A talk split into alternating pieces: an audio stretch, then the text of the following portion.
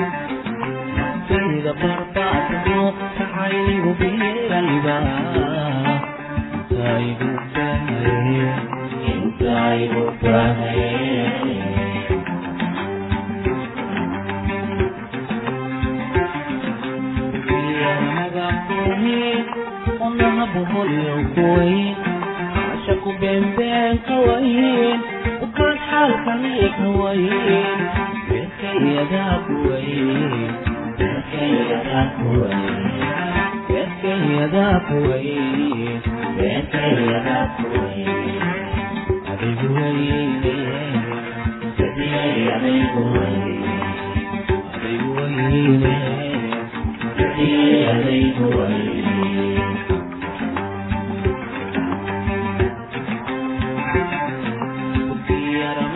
kuwayn wadnacadu holyo kuwayn caashaqu beenbeenka weyn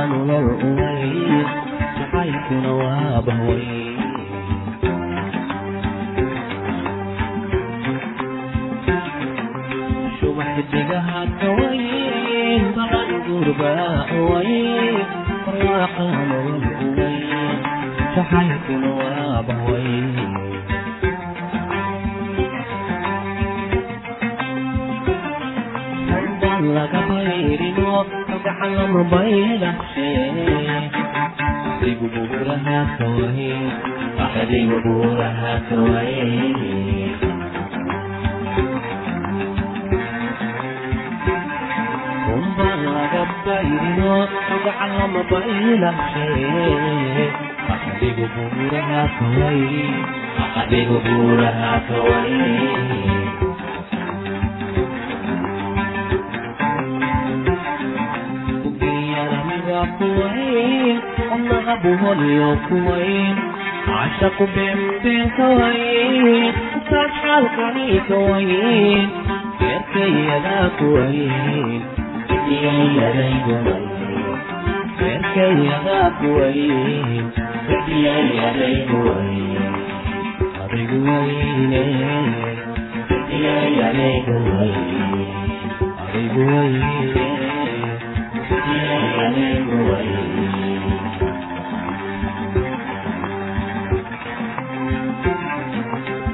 yaramiba kuwayn wadnaha buholiyo kuwayn caashaqu beenbeen kawayn ukaan xaalkani kawayn beerkayadaa kuwayn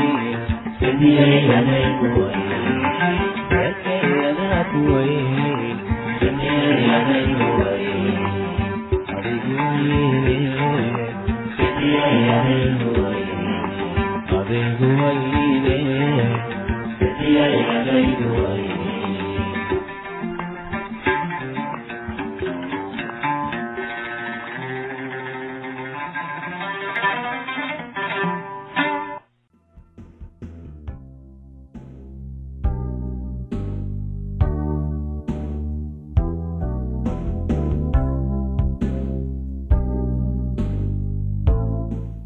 aan jiri jirin ayaa lagula dhaqmay. Waxaad u jeedid oo aad aragtidna ma ahan oo aad farta ku fiiqi kartid laakiin waxaad daraysan tahay in arrimuhu sidii hore aanay ahayn.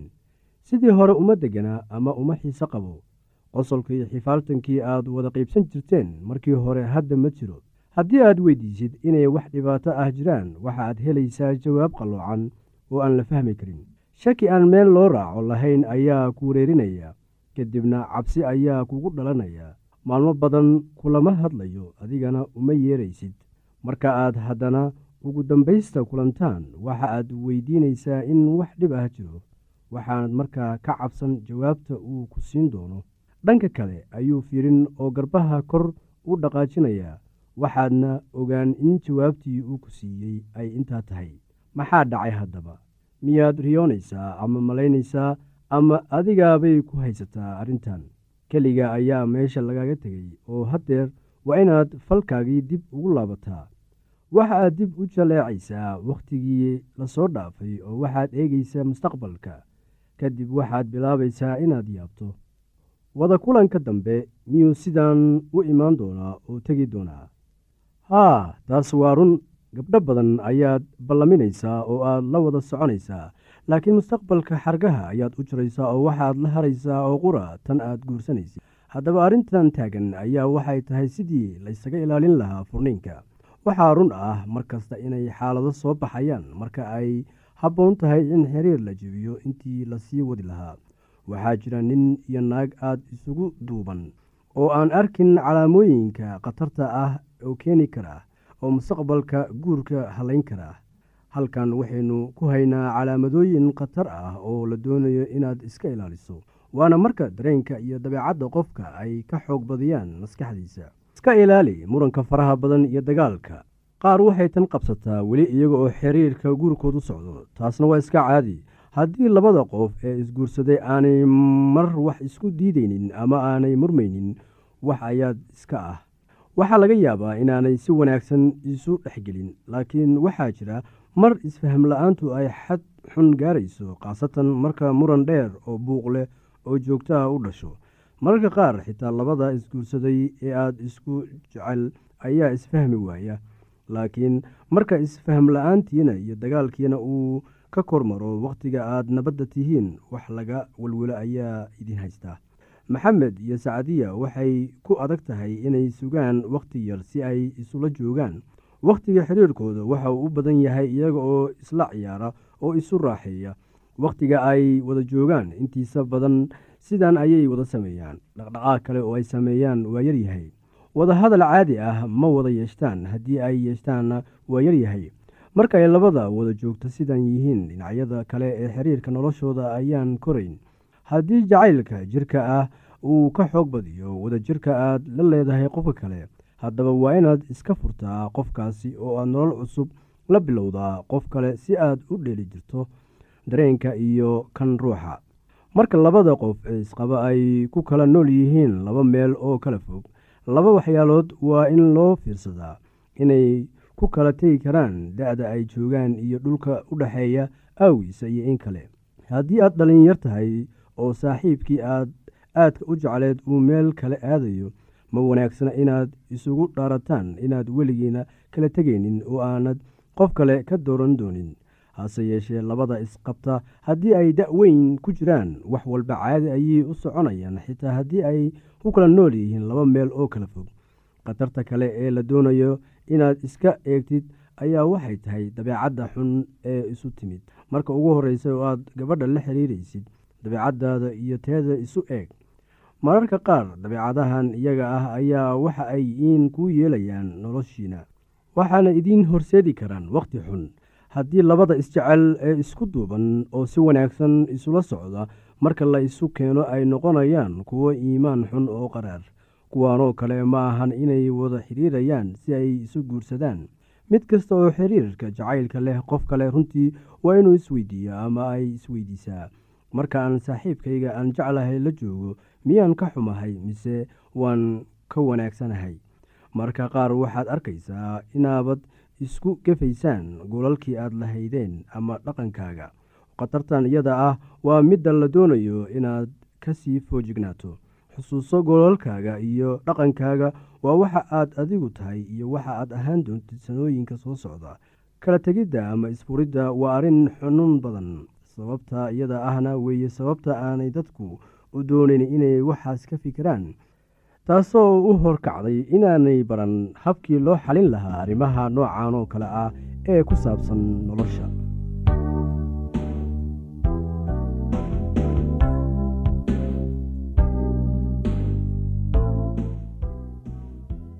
Huruud noqdaan ama cagaarshow dhegeystayaasheena qiimaha iyo qadarinta loo halkaa waxaa noogu dhammaaday barnaamijkii caafimaadka. Waa shiina oo idin leh caafimaad wacan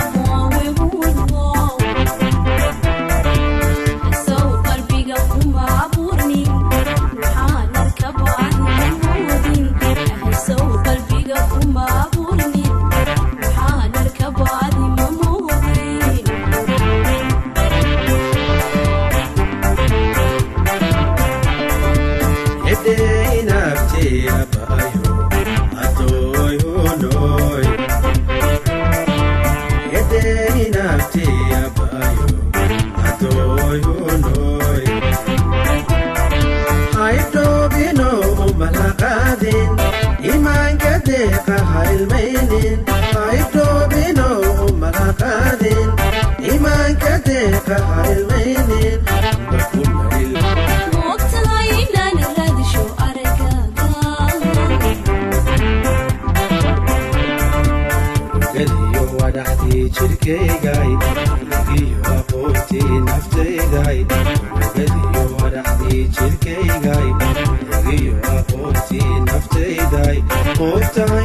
in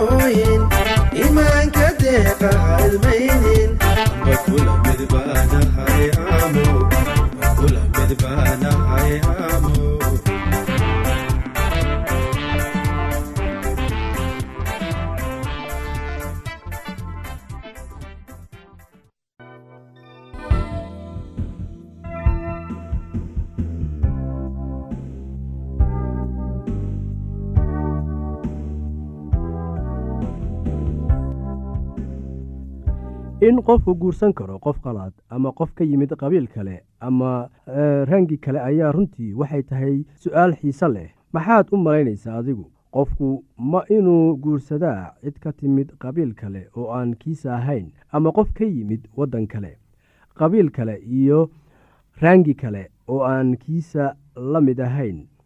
Waxaan uga dan leeyahay midab kale aan kiisa ahayn. Maadaama ay baryahatan sii kordhayso xurgufta dhex taal dadka kale ka kala yimaada waddamo kala duwan leh dhalasho kala duwan ama qabiilo kala duwan sida caadiga sidee baad u aragtaa guurka ka dhex dhacaya labada qof oo aan isku qabiilka ahayn ama aan isku midabka ahayn? Bini aadamku miyuusan isku mid ahayn iyadoo aan loo egin qabiil midab ama dhalashada qofka baryahatan ardo badan oo leh dhalasho kala duwan qabiil kala duwan ama midab kala duwan ayaa wada xidhiidha sababtaas awgeed dadka isguursada oo ka kala yimid qabiilo kala duwan ayaa baryahatan haddaba waxaa ka imaan kara haddii dad kala yimid qabiilo kala duwan isguursadaan. Haddii si loo fiiriyo waxay noqonaysaa in qofku jebiyey xiriirka uu dhaqanka ahaa ee reerka ilaa muddo oo uu reerkiisa jiray. Waxay sababtu uu qofku isaga ah u doortay qofka ka yimid qabiil iyo dhaqan kale oo aan kiisa ahayn. Waa maxay sababta ay u dooratay ama uu u doortay inuu ka guursado qof qalaad iyada oo ay khatar kaga imaanayso reerkeeda? Saaxiibadeeduna dacaayadeynayaan.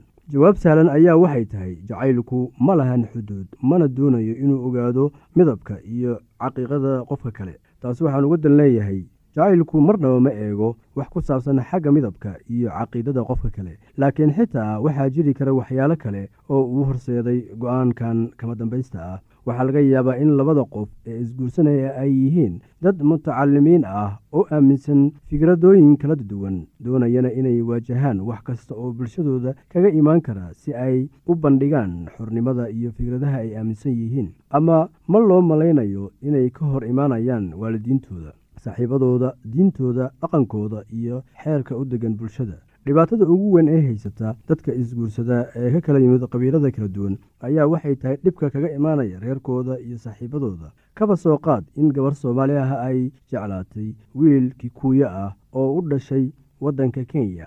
Waxaad maxaad u malaynay inay reerkooda kaga jawaabayaan gabadhu xitaa maadaama ay jeceshahay wiilka haddana waxay la kulmaysaa aflagaado qursi iyo farku fiiqid iyadoo oo la leeyahay tii kikuuyada guursatay waa taa. Marka haddii labada qof isjecel yihiin isku fikrad yihiin oo ay is-aaminsan yihiin waxba kuma dhisna qabiilada ay ka kala yimaadeen. Bini aadamku waa isku mid oo ilaah ayaa wada abuuray umana bannaana in qofku guursado abuurka ilaah marka labadan qof isguursadaan ayaa waxay soo bixi karaa arrin kale oo foolxun oo ku salaysan kala duwanaanshaha dhaqankooda bulshadooda iyo heerka waxbarasho ay ka kala gaarsiisan yihiin.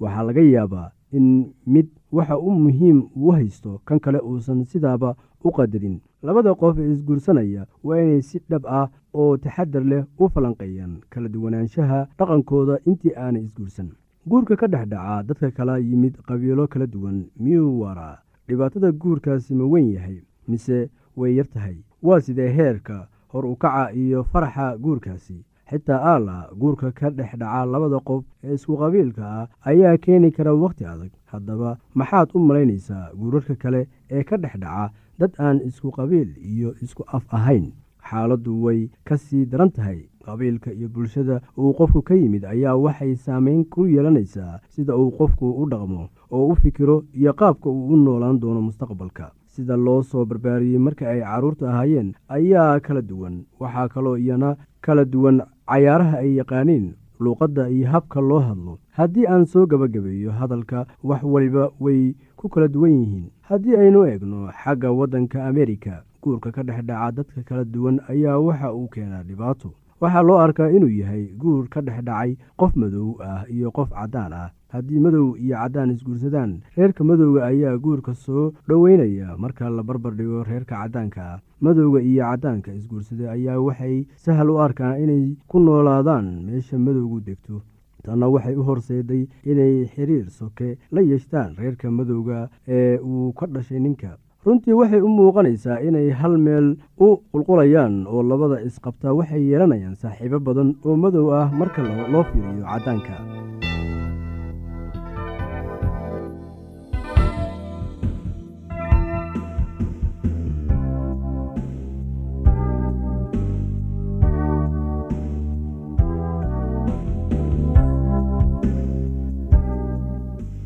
haddii aad qabto wax su'aalaha fadlan inala soo xiriir. Ciwaankeenna waa radio somaly at yahu dt com. Mar labaad ciwaankeenna waa radio somaly at yahu dt com. Barnaamijyadeena maanta waa naga intaas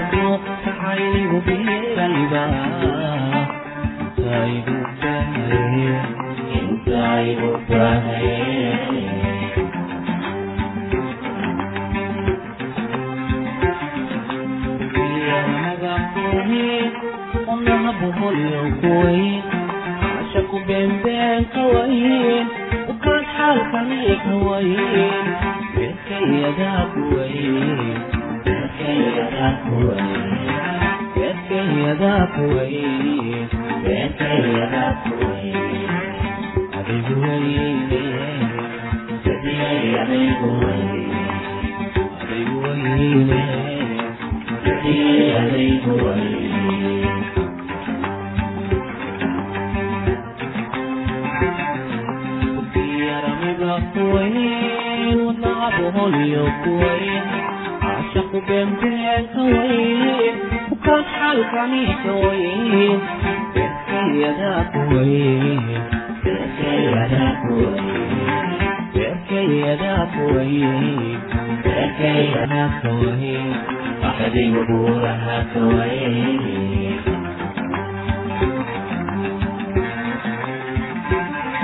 umba laga baydino magaca lama baylahay Akabegoboraha kawaii Akabegoboraha kawaii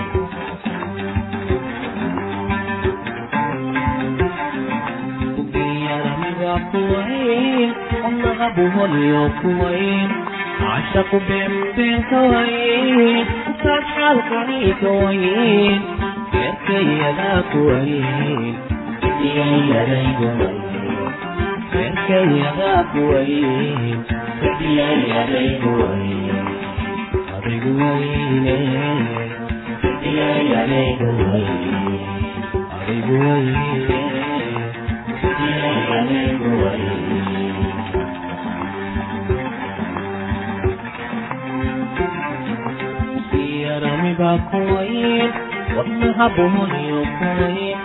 اشق بنبنكوين وكان حالك عليك وين